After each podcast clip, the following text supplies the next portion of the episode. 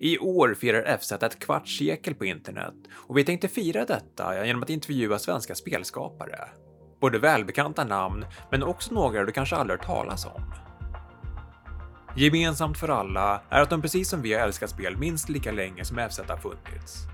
Och därför inleder jag med den enkla frågan Vad betyder spel för dig för 25 år sedan? Först ut är Daniel Kaplan, Mojangs första anställde, som berättar om spelutvecklardrömmarna i 90-talets Skövde, hur den första tiden var på Minecraft-studion och varför det aldrig blev något spelsamarbete med Lego.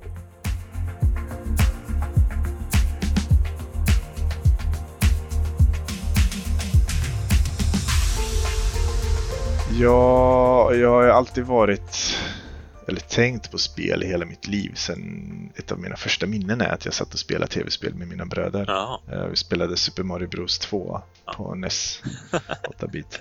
Eh, Så det, det har alltid varit där, spel, och det är ett sätt jag umgåtts med mina kompisar och mina vänner. Det har varit att spela liksom. Men ja, då, jag tror 96 fick vi våra första PC faktiskt. Okej. Så det var jättespännande eh, med multimedia och CD-ROM och allt sånt. Multimediapaketet. Var- Precis, precis.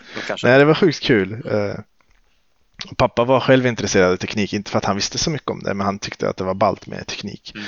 Och eh, då köpte han en dator hem till oss. Vi hade en sjukt fet Pentium 150 megahertz processor i den. som gick att klocka till 166 megahertz tror jag. Med en turboknapp på framsidan eller? Nej, man var tvungen att flytta en sån här jumper eh, på moderkortet faktiskt. Okej. Vi hade aldrig turboknappen tyvärr. Bara en sån sak man, att man på den tiden kunde Ja. öppna en dator och flytta på en jumper så Precis. hände det grejer. Liksom. ja, exakt, det var helt magiskt. Det var bara så wow, kan man göra sånt? Är det okej? så det var, ja, det var, det var nästan, ja, först, det var vår första PC då. Ja. Ehm, men eh, det var ju mycket så här, man köpte PC Gamer för att få lite häftiga demos och sånt Mm. och man läste och bläddrade i tidningarna i affären och eh, hade ju inte alls surfat särskilt mycket eller något sånt men det tog ju lite längre tid innan vi fick tillgång till internet hemma. Mm.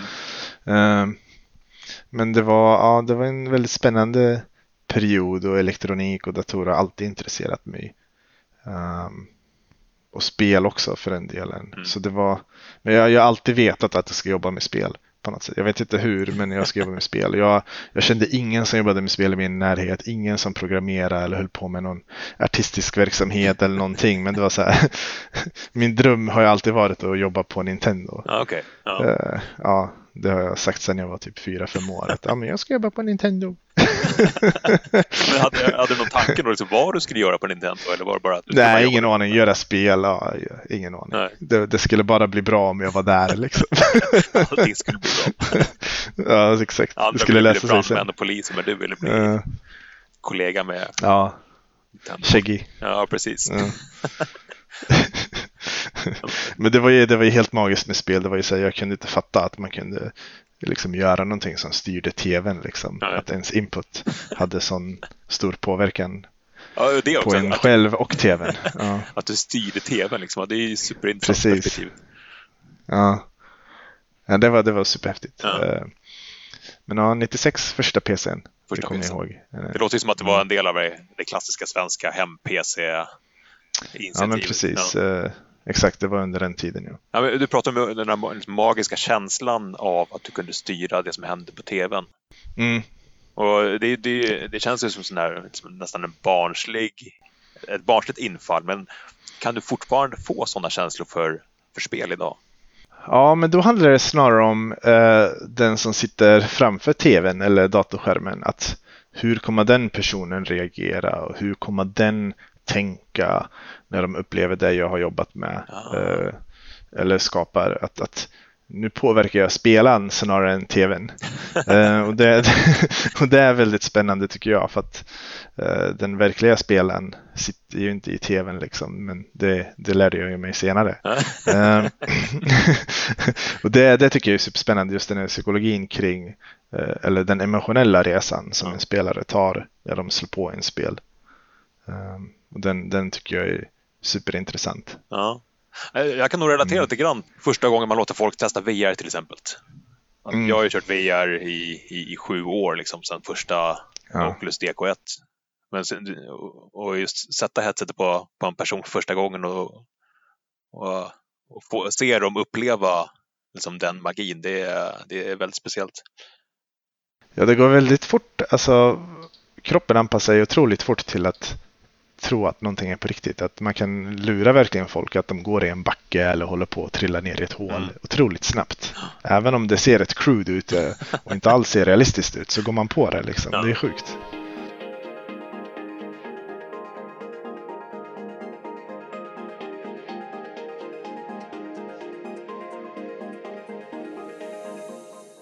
Men hur kom du in i, i spelbranschen? Om, det var drömmen redan från liten, hur, hur hamnade du där? Jag är född och uppvuxen i Skövde mm. uh, som lyckligtvis visade sig ha en av de första spelutbildningarna i Sverige. Så jag gick på gymnasiet, jag läste naturvetenskapliga programmet. Jag visste inte ens hur jag skulle börja med att göra spel. Jag hade ingen koll. Men sen fick jag höra att eh, Högskolan i Skövde hade startat någon utbildning, kanske 2002 eller något 2001 eller något sånt. Eh, och jag gick på gymnasiet då så jag bara shit. Det finns i stan en spelutbildning, det är helt sjukt. Det är klart jag ska gå den. Och eh, 2005 tog jag studenten från gymnasiet.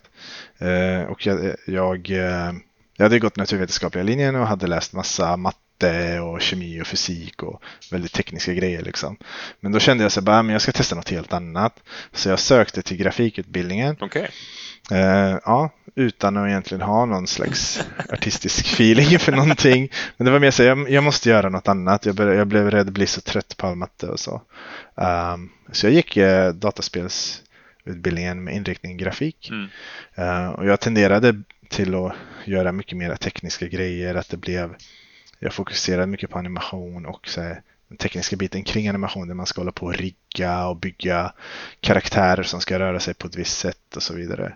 Um, så det blev fort ändå väldigt tekniskt. Uh, för att det var det de andra som inte gillade tekniken var dåliga på. Så det blev så okej, okay, men jag kan göra det här. för jag hade inga problem med att brottas med konstiga program och, och, och programmeringen kring det. Liksom. Mm. Så det, var, det var på den vägen. Ja. Efter, gymnas efter gymnasiet så gick jag en högskoleutbildning helt enkelt. Mm. För att jag visste inte något bättre. Liksom, du hade inte meckat med moddar och gjort egna banor i Duke Nukem och sådana grejer? Jo, lite, lite banor hade jag gjort i Duke Nukem. Jag och en kompis. Men det var inte mer än så. Vi bara delade med varandra. Liksom. Mm. Jag fattade inte att man kunde hänga på forum och göra modda mer seriöst. Liksom, hitta grupper online och sånt. Utan det var bara så ja men för jag var så inne i mitt skolarbete för jag visste inte liksom vilken väg jag skulle ta efter gymnasiet. Så jag bara köttade järnet på gymnasiet mm. uh, och var väldigt fokuserad på det. Så det blev inte så mycket experimenterande under gymnasiet på det sättet. Utan det, det har kommit mycket senare. Ja, jag förstår. Men, tror du att det var lättare att komma in i spelbranschen då än vad det är nu? Det finns ju en uppsjö med utbildningar men det känns också som att konkurrensen har blivit mycket hårdare. Ja, konkurrensen är hårdare absolut, men jag tror möjligheterna är större också. Att det har verkligen öppnat upp sig att göra mindre grejer själv och större också för den delen.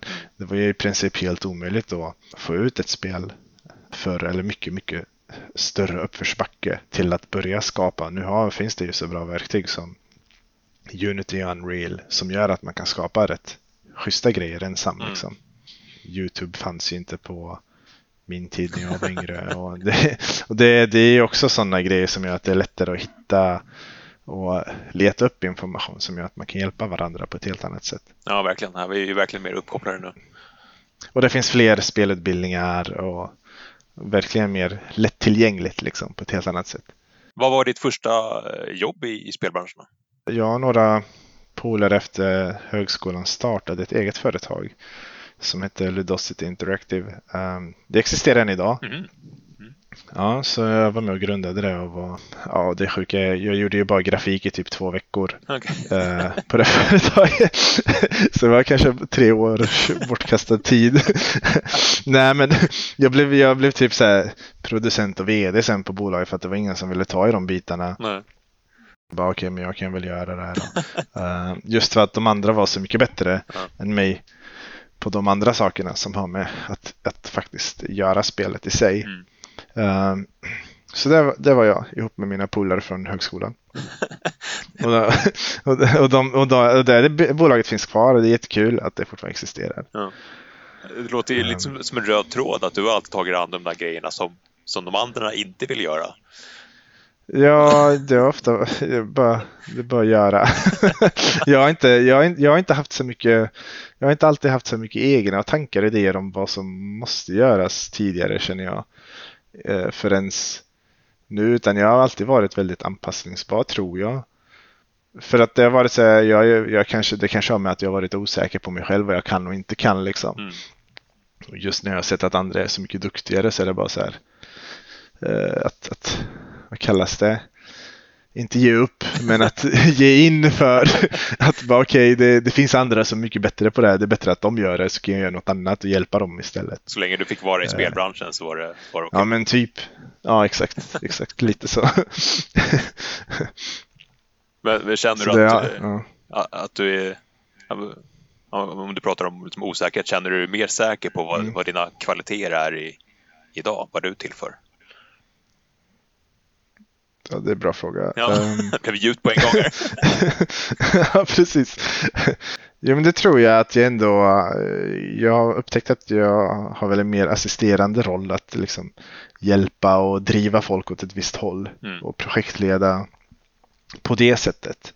Snarare än gå in och styra och ställa med hela handen. Utan jag, jag tror nog att jag, jag har blivit mjukare med åren mm. Eh, och mer öppen för andras idéer och tankar och så.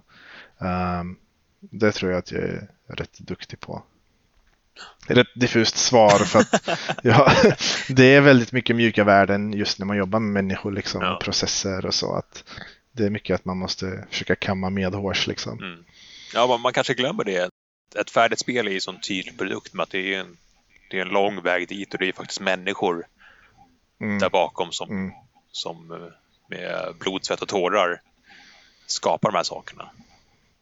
Ja, precis. Och det, det är verkligen mycket blod, svett och tårar inblandat i de flesta spel som jag har äh, vänner och bekanta som har jobbat med. Liksom att det folk kämpar verkligen. Mm. Kämpar järnet just för att det är en sån bransch där folk verkligen brinner för det. Just för att det är så personlig uttrycksform på något sätt. Mm. Ja, och det känns ibland på, med, om man tittar på reaktionerna på vissa spelare när spel är buggiga eller inte blir klara i tid att, att många glömmer bort just det, att det är, att det är människor bakom. Uh, och att man, att man, liksom, man går Absolut, in ganska hårt. Det, ja. ja, jag tror, inte, jag tror inte det är spelarnas fel heller, utan det är väl snarare spelutvecklarna och spelförläggarnas fel på ett sätt också. att man kanske inte är så duktig på att visa människan Nej. bakom spelen heller. Att det blir ofta liksom, ja men det här är EAs nästa spel men det är liksom tusen människor bakom kanske. Mm. Då är det svårt att pinpointa en handfull som man kanske vill ska fronta spelet liksom. Ja, och i storbolagets fall så blir det oftast ganska tillrättalagt. Ja, exakt, exakt. Så är det.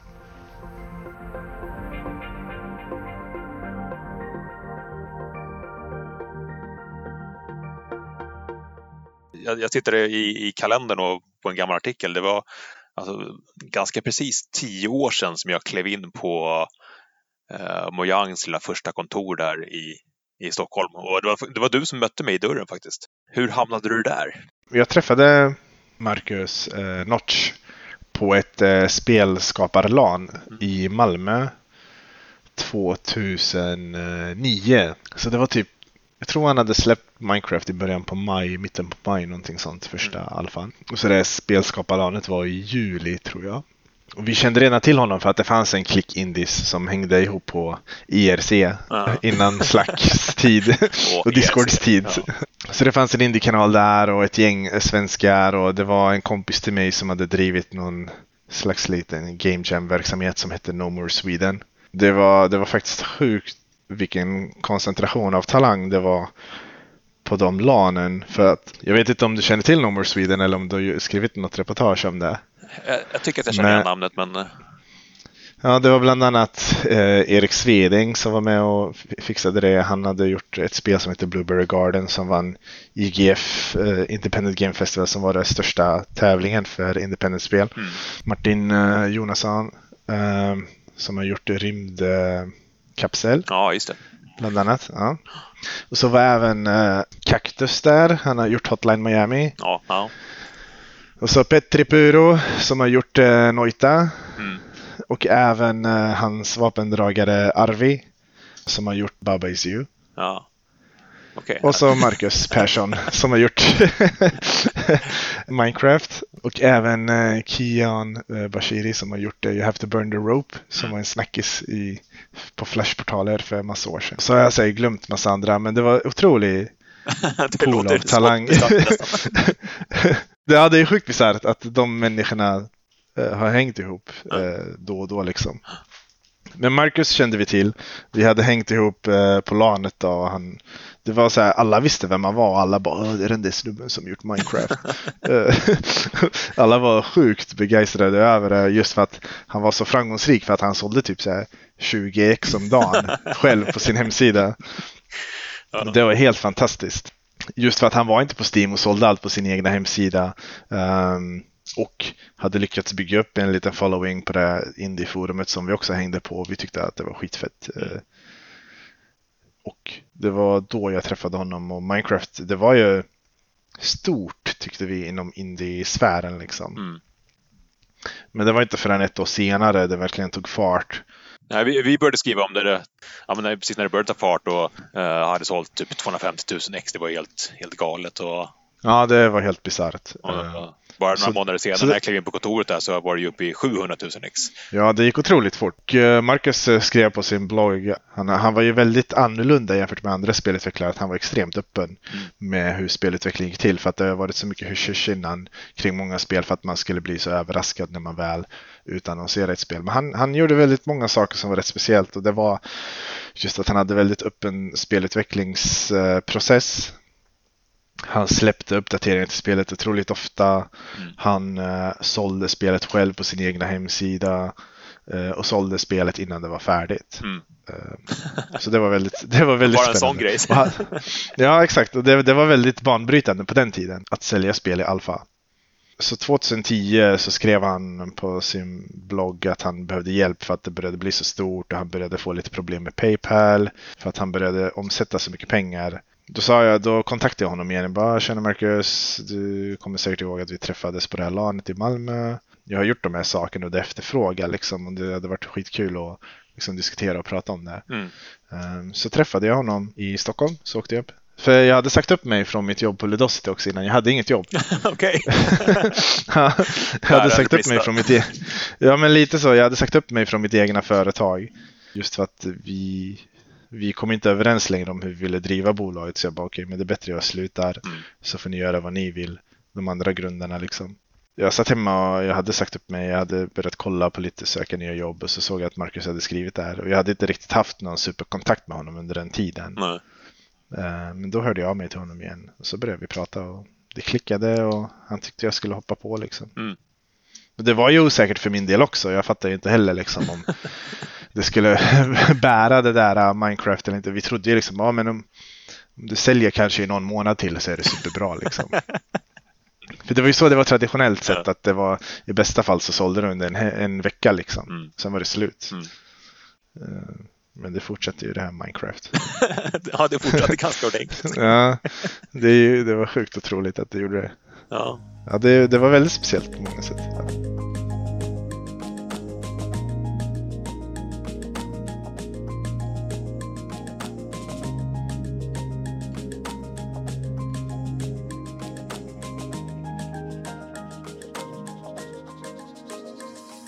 Vad var känslan de här liksom, första månaderna när ni, när ni insåg att okej, det var inte bara en månadsfluga, det, det fungerade i två månader och tre månader? Nej, men det var helt absurt att, att vi, de, de personer vi rekryterade, det var ju inte ens för Minecraft-teamet. Vi rekryterade ju dem för andra grejer, liksom så att de skulle bygga upp eh, backenden för våra webbsidor och framtida spel. Så det var ju det här eh, turbaserade spelet Scrolls Just som vi hade börjat bygga på. Så den personalen vi letade efter, det var för Scrolls. Så att vi tänkte, ja men Minecraft ska vi fasa ut liksom. för att det, det kommer Marcus göra färdigt snart. och så då ska han hoppa på nästa projekt också. Ja. Men sen insåg vi, det var eh, när Jens, en av eh, kollegorna som vi rekryterade, i, under jullovet där 2010 så satt han kvar i Stockholm och kodade lite på kontoret och så. Det var nog då vi upptäckte att ah, men fan, det, kanske, det kanske behövs mer folk till det här Minecraft ändå. Uh, för att han hade implementerat lite saker själv uh, och visat upp det för Marcus och Marcus tyckte att det var fett. Och tyckte att, då tyckte eh, Marcus att ja, men Jens kanske borde jobba på Minecraft också. och så var det hela det här med eh, när vi började, eller jag, jag, jobbade rätt mycket med det, hör av mig till olika så, merchandise producers för att det var många som efterfrågade det. Eh, t-shirtar och leksaks ehm, prylar. Att det fanns ett stort intresse från dem också. Eh, så småningom liksom just där vi blev och det var sjukt kul att jobba med de sakerna och bygga upp hela den organisationen. Eh, men det tog nog ett år innan vi fattade ordentligt att det här är, det här är stora grejer. Liksom. Det här är det vi gör nu. Vi är Ja, men exakt. exakt. Det, det, det dröjde ändå. Ja, det tog en stund att fatta det. Liksom, att det var så här, shit, vi behöver inte alls. Eller vi kommer förmodligen inte göra andra grejer än Minecraft. För att vi rekryterade fortfarande. Vi tänkte att det var hela tiden att vi skulle göra andra grejer också. Och den visionen var ju med från start. Att vi skulle göra massa olika spel och att vi skulle försöka rekrytera människor som var lite lika Marcus som kunde liksom göra ett spel från ax till limpa i princip själva. Just för att vi ville ha den typen av eh, karaktärer på bolaget. Att hitta liksom väldigt talangfulla, ja, väldigt lika de människorna som vi hade hängt med på de här game jamsen. Ja, och om ni samtidigt trodde att Minecraft bara skulle hålla ett par månader så känns det som att det var lite överlevnadsinstinkt också. Att vi måste vi måste producera fler saker. Vi kan inte bara Ja, precis. precis. Och det var ju, ja, jag kommer ihåg eh, om ja, mitt minne säger att det, det, jag och Marcus pratade om när jag var på min första intervju, det var ju att jag var väldigt taggad på att starta liksom ett spelkollektiv på en, en eh, liksom professionell nivå, nästan ett stall liksom av utvecklare som skulle sitta och jobba ihop och hjälpa varandra. För att det, det jag hade märkt på det, de här game jams jag hade varit på, det var ju att alla levde ju verkligen så här på minimumnivå. Ja. det var egentligen ingen som hade råd att göra spel, men alla gjorde det ändå. För att de älskade det så mycket och det var det enda de visste i princip. Jag ville liksom att vi skulle sponsra dem på något sätt. Att verkligen hysa in dem, fixa liksom schysst kontor och bra support och just där. Det enda som saknades tyckte jag då, det var att de inte liksom kom ut ur sin indiesfär och, och, och, inte lyckats liksom börja sälja saker. Men nu kände vi att vi hade en rejäl chans med Minecraft och dess eh, popularitet, liksom att visa andra typer av spel från andra extremt duktiga kreatörer. Så dina tankar gick mer åt att inte bli Minecraft-studion än att mer bli en publisher som en, en indie-publisher helt enkelt? I princip, men att alla de skulle också vara anställda liksom, på det bolaget. Det var min förhoppning. Liksom. Och Marcus tyckte det var uh, skitintressant just för att han hade väl känt lite samma sak. Liksom, att, det var, att man var väldigt mycket till sitt eget öde. Det var det som jag hade hoppats på, liksom, att vi skulle byggt. Men skulle du säga att Minecraft också då blev väl inte en förbannelse att det gick, att det gick lite för bra så att ni var tvungna att liksom lägga de där planerna åt sidan och istället fokusera mer på Minecraft? Ja, det tror jag. Jag tror så här i efterhand så hade det nog det bästa varit att Mojang hade varit två företag. Ett som var liksom Minecraft-bolaget som bara rekryterade för det och alla deras needs, liksom allt, allt som det här bolaget skulle behöva för att utvecklas och förvalta. Ett bolag som förvaltar Minecraft och ett annat som har som fokus att bygga nya spel. Mer eh, ja, en utvecklingsstudio på ett helt annat sätt, liksom mer experimentell. När vi rekryterade folk senare i, på Mojang så var det mycket från modding-communityt och de älskade ju Minecraft och det förstår jag också. Men det var så här, de hade väldigt svårt att tänka något annat eh, eller vilja göra något annat också för den delen. För mig var det helt så otroligt. Det var så men vi kan ju göra vad vi vill. Varför vill du bara jobba på Minecraft? ja. Du har pengar. Skapa. Mm. Så vi hade massa så här, inter, in, interna uh, game jams och diskussioner kring, okej, okay, vill, vi, vill någon pitcha några nya spel? Och liksom, det, men det, var så här, det var jättemånga som bara ville jobba på Minecraft. För mig var det så helt absurt. ja. Men eh, det, och det, det, tror jag kanske har just för att vi var ju bara kända för Minecraft. Och det, men det är väl som att rekrytera folk till DICE och liksom ber dem sen göra något RTS eller något sånt. Jag vet inte. Det, eller ett pusselspel liksom. Ja, som är så, så otroligt långt ifrån Battlefield-spelen liksom. Då är man ju kanske mer inriktad på att ja, men jag älskar den här typen av spel och produkter och jag vill fortsätta göra den typen av spel och produkter. Det finns ju en gammal sanning också i det här med liksom att kreatören som lider skapar också sina bästa, sina bästa verk. Plockar man bort för mycket hinder så, så finns det inga utmaningar längre. Så kan, så kan det säkert vara. Hålla kniven mot strupen var och varannan dag kanske hjälper. Uh, nej, kanske inte man anstränger sig.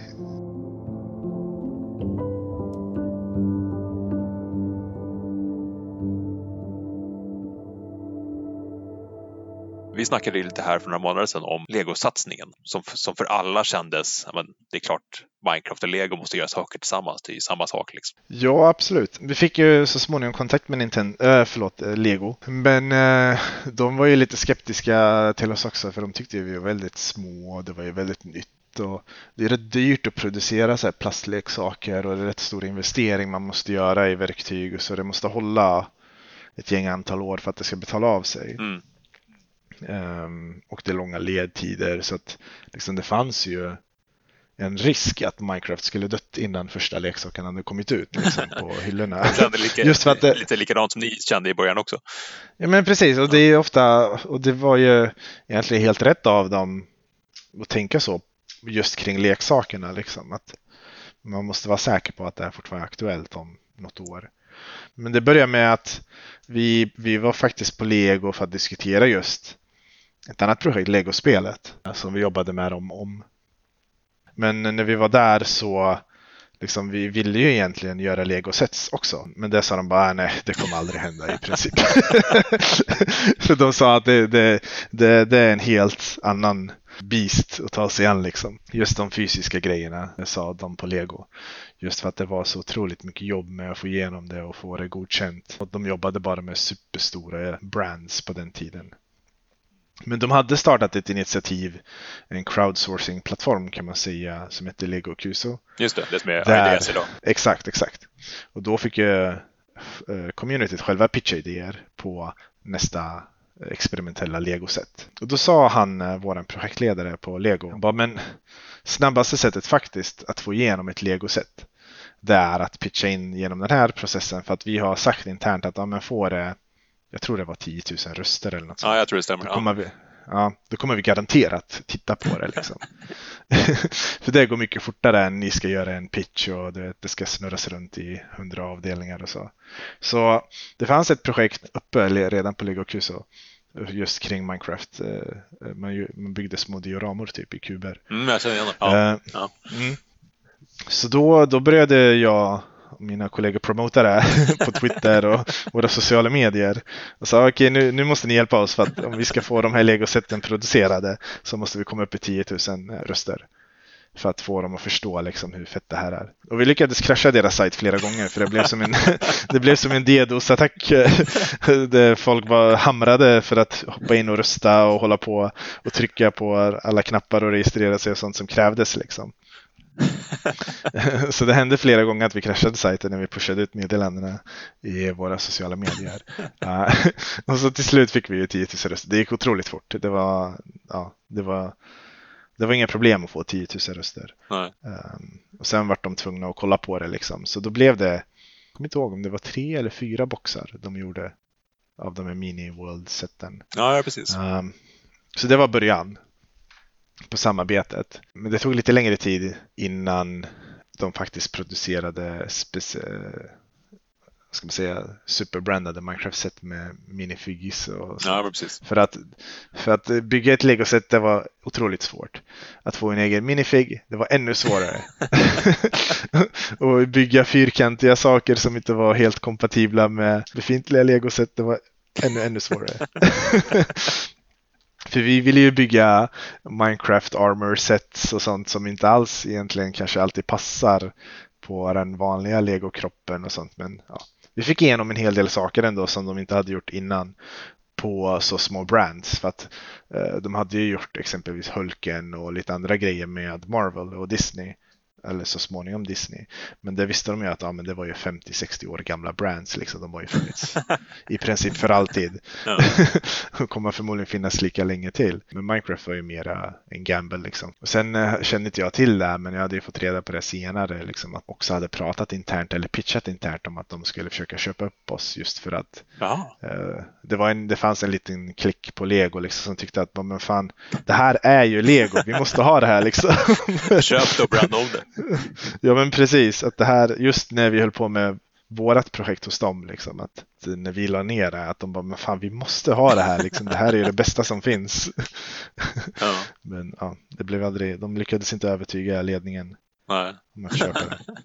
vad, vad hände med spelet då? Det lades ner för att vi på Mojang inte orkade jobba med Lego. Um, och det var väldigt processstyrt, uh, byråkratiskt styrt uh, och de har, Lego har en väldigt trög organisation, väldigt överbeskyddande organisation. Att de blev nästan, vad ska man säga, det, det var de gjorde det medvetet svårt för sig själva att göra nya saker liksom för att de tyckte att allting hade så mycket risk och man måste skydda brandet och man får inte göra någonting som sticker ut eh, runt brandet och så vidare och så vidare. Så det var väldigt dokument eh, advokatstyrt kan man säga liksom. Mm.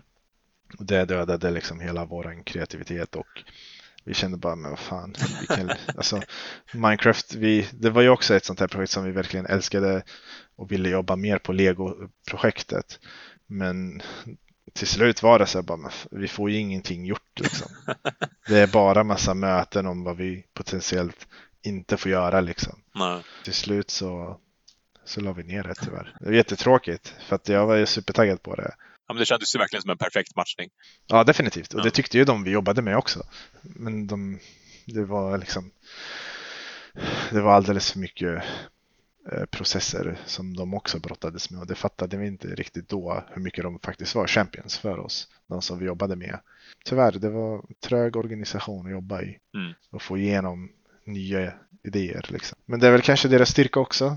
Jag vet inte, att, att man inte håller på och, och, och experimenterar för mycket. De har ju ändå funnits rätt länge och är extremt framgångsrika. Ja, precis. Ja, men de har ju haft sina dippar också. Så att de... Absolut. Ja. De var ju också ute i djupt vatten där i slutet på 90-talet. Liksom. Ja, när patentet upphörde och sådana saker.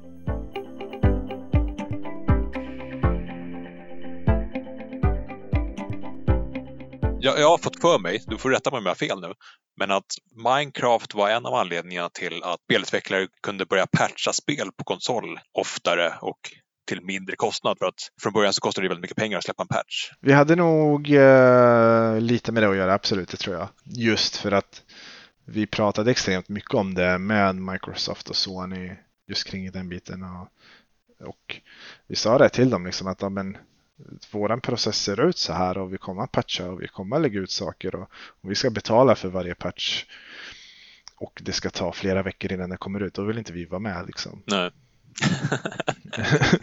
det, var, det tog extremt lång tid och för dem också för att det var ju massa människor som var involverade i de här patchningsprocesserna och de pratade om att det är för att upprätthålla en viss kvalitet.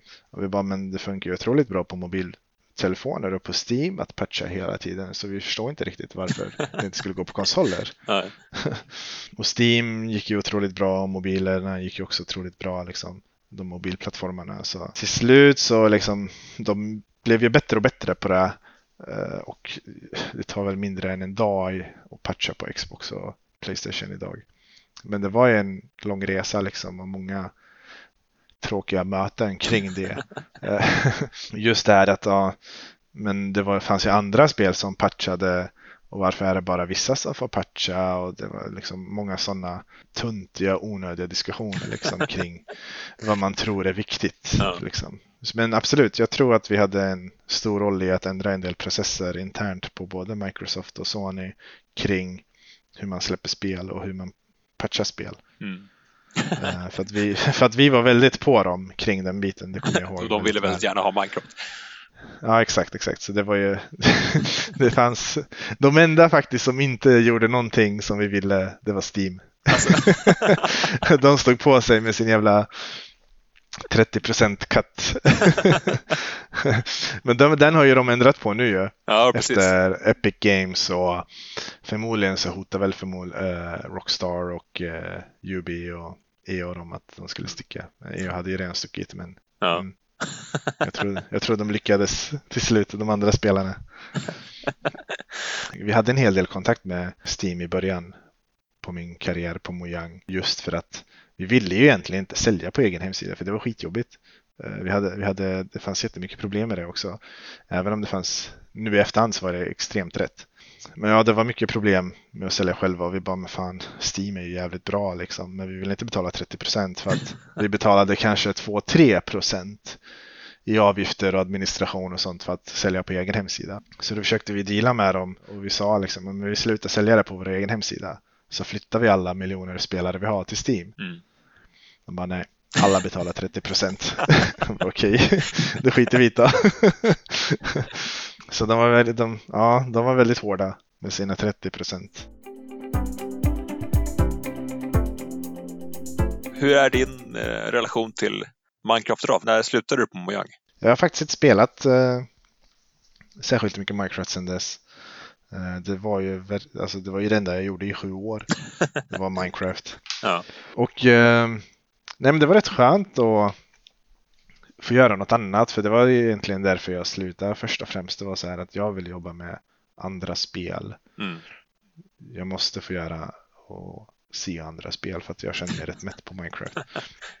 Samtidigt som jag tyckte det var ett otroligt fantastiskt spel att få vara en del av så kände jag hela tiden så här, men vi måste göra mera spel. Eh, Och jag kände själv att nej, men nu, nu måste jag göra någon ändring i mitt liv och min karriär för att få göra andra spel. Och då hade jag haft kontakt med eh, Anton på Coffee Stain i princip sen jag gick på högskolan. För de gick också, Coffee gick också på högskolan i Skövde. ja, jag kan tänka mig. Ja.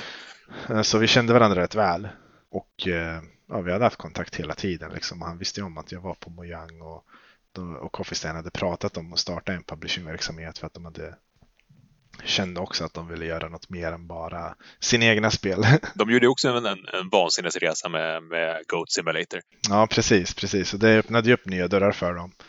Eh, och då kände de att de behövde lite extra hjälp. Och på den vägen var det att eh, det blev lite att, att för oss båda liksom att vi ville göra något mer än bara det vi blev kända för liksom.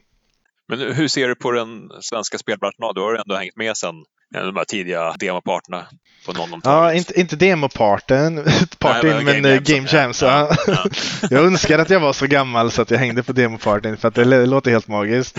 Men så gammal är jag inte tyvärr.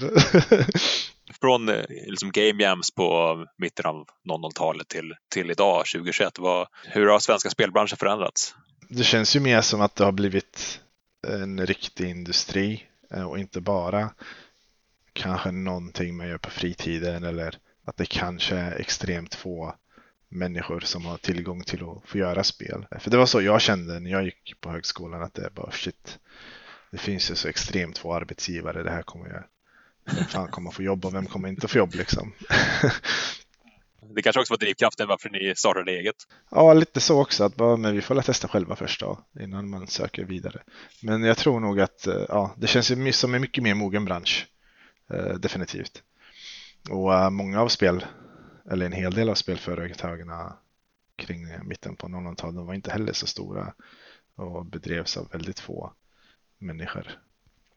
Men de, det är många som har blommat upp och blivit eh, i brist på bättre ord, seriösa bolag liksom.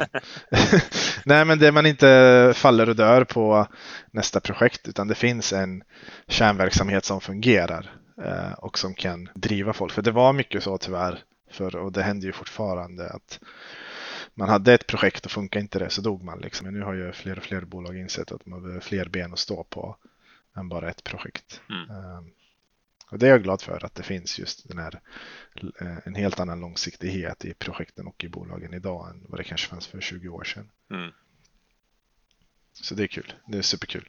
Om du skulle vilja ge något tips till den som vill, som kanske var som du, alltså, jag ska jobba i spelbranschen men inte riktigt vet var de ska, hur de ska ta sig in. Har du några bra tips?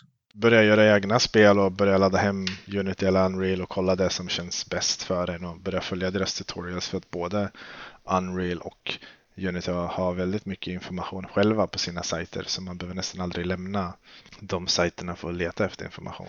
Och Unreal är ju gratis och lika som Unity att sätta igång med.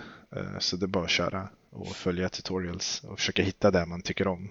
För jag tror inte det finns något rätt språk eller något rätt program utan man får nog testa och kolla det som passar bra för en. För det är rätt lätt att bara hålla på och byta spelmotorer och tro att det ska bli mm, hända någonting magiskt när man byter. Men jag tror man får testa i början och känna att ja, det här känns okej. Okay, så får man.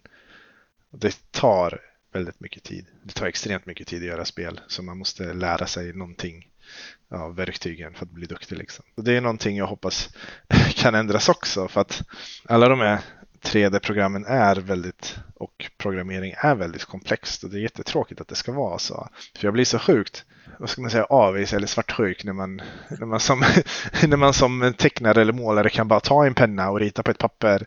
Det finns inget program som är så lätt och intuitivt som en penna och papper. Eller en musikskapare som kan som har massa beats eller samples som de kan bara slänga ihop efter varandra. Man har hört talas om en hel del hitsånger som har skrivits på en eftermiddag och sånt. Det går inte att göra det med spel liksom. Nej. Just för att det är så komplext och det är någonting jag hoppas ska förändras också. Att den processen från tanke till skapande ska bli mycket, mycket, mycket kortare. Och inte behöva involvera så många människor. Eh, för att kunna bli stor och lyckas liksom. För att det är, det är extremt många led som är från tanke till faktiskt någonting på skärmen. Det tycker jag är tråkigt eh, och jag hoppas att någon kommer att fixa det. någon smart person. Många vet jag har ju fått inspiration till att börja skapa egna spel genom Minecraft exempelvis. Där de har, det kan man väl se också som en 3D-editor eh, om man vill. Att de, har skapat sin, e- att de har skapat sina egna små scenarion i Minecraft och fått det är som en inkörsport till att börja testa. Liksom. Det är jag jätteglad över att fler har liksom upptäckt eh, charmen och magin med att skapa spel.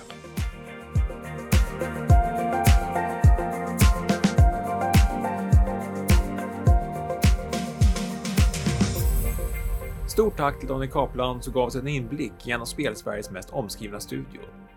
Har du förslag på personer du tycker att vi borde prata med, släng iväg ett meddelande på sajten eller kommentera på det här avsnittets nyhet.